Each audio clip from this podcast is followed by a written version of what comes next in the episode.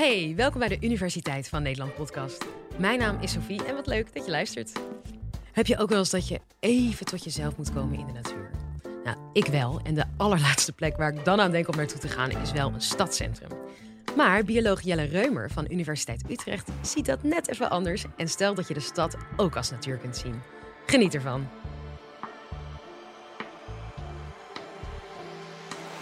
Live vanuit Club Air is dit de Universiteit van Nederland. We gaan het hebben over de natuur. Dat is een enorm breed, uh, breed onderwerp. We gaan het niet hebben over wat je denkt dat natuur is. Hè? Intuïtief, dan denk je bij het woord natuur, dan denk je aan tropische regenwouden of koraalriffen of misschien aan, aan Spitsbergen. Daar gaan we het niet over hebben. We gaan het hebben over een heel ander soort natuur. En dat is de natuur in de stad. Hier buiten de zaal, zo gauw je de deur uitstapt, stap je de natuur in. Daar gaan we het over hebben. Als je aan mensen vraagt, wat is natuur? Dus een, een, definitie van natuur. Ik denk dat als je dat aan 100 mensen vraagt, dan krijg je 100 verschillende antwoorden. Want iedereen heeft daar zo'n beetje zijn, zijn eigen idee over, over wat natuur is. Uh, en dat heb ik natuurlijk ook wel gedaan, aan alle, allerlei mensen gevraagd. Zo van, wat, is, wat vind jij nou van natuur? Wat is natuur en wat vind jij van natuur? Uh, en een hele interessante definitie die iemand mij ooit vertelde, dat is, natuur is alles wat spontaan is, wat spontaan gebeurt. Dus niet wat de mensen hebben gedaan, maar wat spontaan gebeurt. Dus als je een rij Afrikaantjes in je tuin plant, dan is dat geen natuur.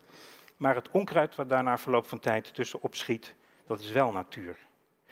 Dat, dat, dat lijkt een goede definitie, maar is het toch ook niet? Want stel je bijvoorbeeld voor een, een, een straat met laanbomen. Hè, de gemeente die heeft daar linden geplant bijvoorbeeld. En die linden die zijn daar niet spontaan gekomen, want dat heeft een ijverige ambtenaar gedaan. En die linden die staan daar dan en die komen in het voorjaar in blad en dan komen daar bladluizen op.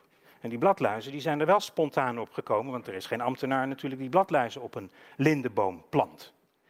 En wat je dan hebt, dat, dan heb je een probleem, want dan heb je eigenlijk een soort heel klein ecosysteemje, een boom met bladluizen of een, een soort met een, met een parasiet.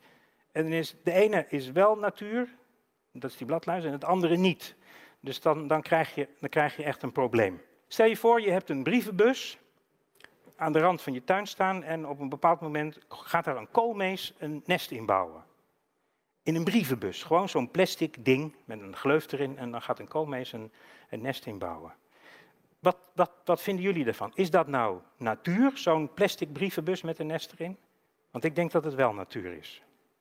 Een, een, een, merelnest in een boom bijvoorbeeld. En dat nest is gewoon, dat, dat is helemaal natuur. Dat is gemaakt van takjes en twijgjes en grassprieten. En, en die merel die legt daar zijn eieren in. Dat is echt natuur. Daar hoeven we niet aan te twijfelen. Maar vervolgens kun je een soort glijdende schaal maken. En ik ben gek op glijdende schalen. En dan eindig je strakjes eindig je hier in Amsterdam op de Zuidas. Zo'n merelnest van takjes en bladeren in een boom, dat is natuur. Een chimpansee in het oerwoud in Afrika, die bouwt een boomnest. Die plukt allemaal takken uit de boom en grasprieten en die maakt er een groot boomnest van en die gaat erin liggen slapen. Een chimpansee is een mensaap. Wij zijn ook mensapen. En wij niet, maar 10, 20.000 jaar geleden maakten mensen, vroege mensen, die maakten ook een soort nesten van takken en dingen. En daar bouwden ze een beetje een soort van hutje van. Van volstrekt natuurlijke materialen. Dat verschilt dus eigenlijk helemaal niks van zo'n boomnest van een chimpansee. En dan gaat het een beetje door en dan krijg je een mens die maakt een, een, een, een hutje van boomstammen, die zaagt hij een beetje af en die zet hij recht neer en dan dekt hij dat af met bladeren en dan denkt hij van ja, dat is toch een beetje onhandig, eh, daar komt regen doorheen, dus die gaat het afsmeren met leem. En vervolgens denkt hij, ja, dat is, die, die, die, die leem die gaat hij dan in blokken snijden. En die gaat hij stapelen en die gaat hij in het vuur bakken en dan krijg je bakstenen. Dat is nog steeds allemaal natuurlijk materiaal. Dus dan krijg je een muurtje van bakstenen, van natuurlijk materiaal. En dan moet er een dak op van, van binten. Dan zaagt hij weer wat bomen om, dat is ook allemaal natuur. En u voelt hem al aankomen, zo kan ik doorgaan. Dan maak je dus op een gegeven moment een bakstenen huis. Met binten en een vloer van hout. En dat ding dat staat hier dan gewoon ergens in Buitenveldert of zo. Is dat dan ook nog natuur? En zo zit je op een glijdende schaal die uiteindelijk eindigt bij de Zuidas. Want die gebouwen op de Zuidas, die zijn uitsluitend gemaakt van natuurlijke materialen. Die zijn gemaakt van baksteen, die zijn gemaakt van beton, dat komt uit de Ensi-groeven, dat is allemaal fossiele kalk, ook volstrekt natuurlijk. Dat is heel veel glas tegenwoordig, maar dat maken ze van zand en dat is ook weer natuur. En er zit ijzer in, dat komt van ijzererts, dat is allemaal natuur. Dus zo kun je een glijdende schaal construeren van, van, van zo'n merelnest en zo'n chimpanseeboomnest. En je eindigt bij de Zuidas. En waar leg je nou de grens? Wat is nou wel natuur en wat is nou geen natuur? Ik heb hier een uh, nestje meegenomen van een tortelduif. Afkomstig uit het Rotterdamse havengebied. En die tortelduif die heeft dat gemaakt voor een deel van grasprietjes. Maar het bestaat voor ongeveer de helft uit, um, uit draadjes uit, uh, uit een telefoonsnoer. Van die witte, rode en blauwe draadjes. Daar heeft die tortelduif zijn nest van gebouwd. En we hebben nog zo'n voorbeeld. Dat is een duivennest, wat helemaal gemaakt is van ijzerdraad. Het is een nest van een stadsduif. Afkomstig uit de botlek. Helemaal gemaakt van stukken ijzerdraad, kippengaas. In de botlek is, daar groeit geen struik, er groeit niks. En die duif die wilde dus een nest bouwen, die pakt wat voorhanden is. Hij stukken het een beetje dicht met, met ontlasting. En daar zijn gewoon eitjes in gelegd en er zijn jonkies uitgekomen. Dat is gewoon die vogel die doet wat hij doet. Is dat natuur of is dat geen natuur? In ieder geval, dat kippengaas, daar kun je natuurlijk over discussiëren. Maar wat die vogel doet, is volstrekt natuurlijk. Als we bij nesten zijn, dan heb ik nog een heel aardig voorbeeld voor u meegenomen. Uh, en dat is een, een aalscholverkolonie. Aalscholvers, dat zijn eh, van die grote zwarte vogels, die kennen we allemaal wel. Die vissen in het water en dan laten ze hun vleugels een tijdje zo drogen en dan zitten ze zo. Uh, maar dat zijn hele gezellige dieren, aalscholvers. Die bouwen hun nesten in, in groepen bij elkaar. In bomen.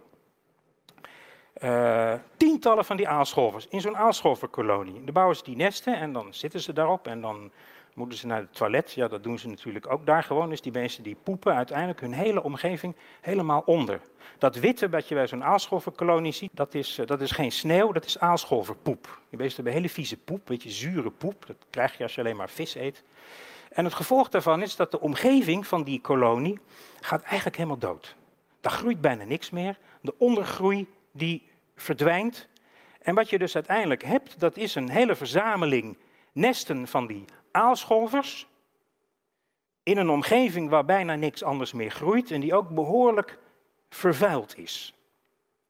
Als je in die zin het woord aalscholver vervangt door het woord mens, dan heb je bijna een perfecte definitie van de stad gekregen.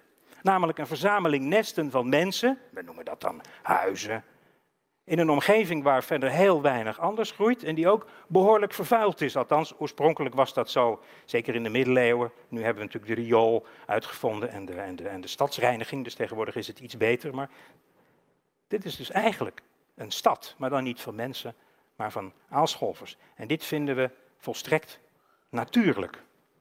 Die aalscholver in deze omgeving en de mens in de stad is heel erg bepalend voor dat, voor dat stukje omgeving. Als die aalscholvers daar niet waren, dan zou dat gebied waar die kolonie zit, zou er volstrekt anders uitzien. Die bomen die waren groen, die waren niet ondergekakt, daar groeide van alles, daar leefde van alles. En dat is in de stad ook zo. En zo'n allesbepalende soort die in een, in een omgeving zit en een hele belangrijke stempel op zijn omgeving drukt, dat noemen we een keystone species, een sluitsteensoort. En dat begrip keystone of sluitsteen, dat is afkomstig uit, uit de bouwkunde. De Romeinen die hadden dat al uitgevonden. Dat als je wilt bouwen uh, en je wil een beetje hoogte bereiken, dan kun je een boog maken. Zelfs gotische kathedralen zijn op die manier nog gebouwd. En dan begin je door een hulpconstructie te bouwen van hout. En dan ga je stenen stapelen zo. En dan ga je door met stenen stapelen. En dan ben je bijna bovenaan. En dan moet je de sluitsteen erin zetten. Die sluitsteen die zet je erin. En dan kun je daarna die hele hulpconstructie weghalen. En dan blijft dat staan. Maar als je die sluitsteen eruit zou trekken, dan lazert het hele zaakje in elkaar. En, en dat begrip, sluitsteensoort, keystone species in het Engels, dat is een metafoor die wordt veel in de ecologie gebruikt voor soorten die hun, uh, die hun omgeving uh, enorm bepalen, die enorm succesvol zijn. En wij mensen zijn een hele succesvolle diersoort. Nog even twee voorbeelden daarvan, van zo'n uh, keystone soort. Een, een bever, die kennen we ook allemaal wel. er loopt een beekje door een bos heen en dan komt een bever en die bouwt die dam. En dan krijg je daar zo'n meer achter. En dat meer, dat vormt dan een heel eigen ecosysteempje, want daar kunnen vissen in leven en allerlei salamanders en waterschildpadden en waterplanten en watervlooien en zo. Maar die zijn voor hun bestaan volledig afhankelijk van die bever. Als die bever dus weg zou gaan, om wat voor reden dan ook, als die verhuist of, of hij gaat dood en er komen geen nieuwe bevers, dan vervalt die dam, dat meer loopt leeg en dan is dat hele ecosysteem verdwenen. Dus daar is die bever een keystone species, een sluitsteensoort. Olifanten in Afrika is precies hetzelfde. Olifanten die bepalen heel erg hun omgeving door het, door het trampling, hè, door het allemaal kaal te trappen bijvoorbeeld, door bomen uh, om te duwen. Met hun ontlasting voegen ze heel veel nutriënten toe. En die ontlasting vormt zelf ook weer een, een, een substraat waar allerlei dieren en, en, en schimmels en zo op kunnen leven. Als die olifant zou verdwijnen uit die habitat, dan verdwijnt dat dan verandert die habitat ook. Die wordt, die wordt groener. Je, er zijn zelfs, ik heb wel eens foto's gezien van een, van een olifantenreservaat in Afrika. Er staat er zo'n hek. En aan de kant waar de olifanten leven is het helemaal kaal getrapt en er groeit bijna niks. En buiten dat hek, daar is het prachtig groen. Dan denk je, dat zou eigenlijk het, het reservaat moeten zijn. Maar het is juist omgekeerd het geval. En dat komt door, de, door, de, door, de, door die sluitsteen-effecten die die, die, die olifanten uh, teweeg, teweeg brengen. En, en de mens is ook een sluitsteensoort. De mens is de sluitsteensoort van het ecosysteem stad. Als je de mens eruit zou halen, gewoon even een gedachte-experiment. We, hebben, we hebben Amsterdam en je haalt al die mensen eruit. Dan verandert de omgeving onmiddellijk. Dan wordt het onkruid niet meer gewiet, dan, dan, dan, dan, schoffelt de gemeente de goten niet meer. Uh, planten groeien overal op uit de dakgoten, uh, alles begint een beetje te verkruimelen. En binnen de kortste keren denk ik dat er ook hier in de grachten bijvoorbeeld ook bevers rondzwemmen en otters. En uh, er komen er nog meer reigers en dan begint alles steeds groener en groener en groener te worden. En dan krijg je een heel andere, andere habitat. Dus op het moment dat je die mens eruit haalt, dan verandert de omgeving. Maar ook met de mens erin is het hier een hele interessante omgeving. Want ook dankzij de mens hebben we allerlei soorten in de stad zitten die zich hier uitstekend thuis voelen. Uh, en uiteindelijk is de conclusie dus dat, dat de natuur overal is. Op het moment dat je hier naar buiten zou lopen en je kijkt om je heen, dan kun je natuur zien.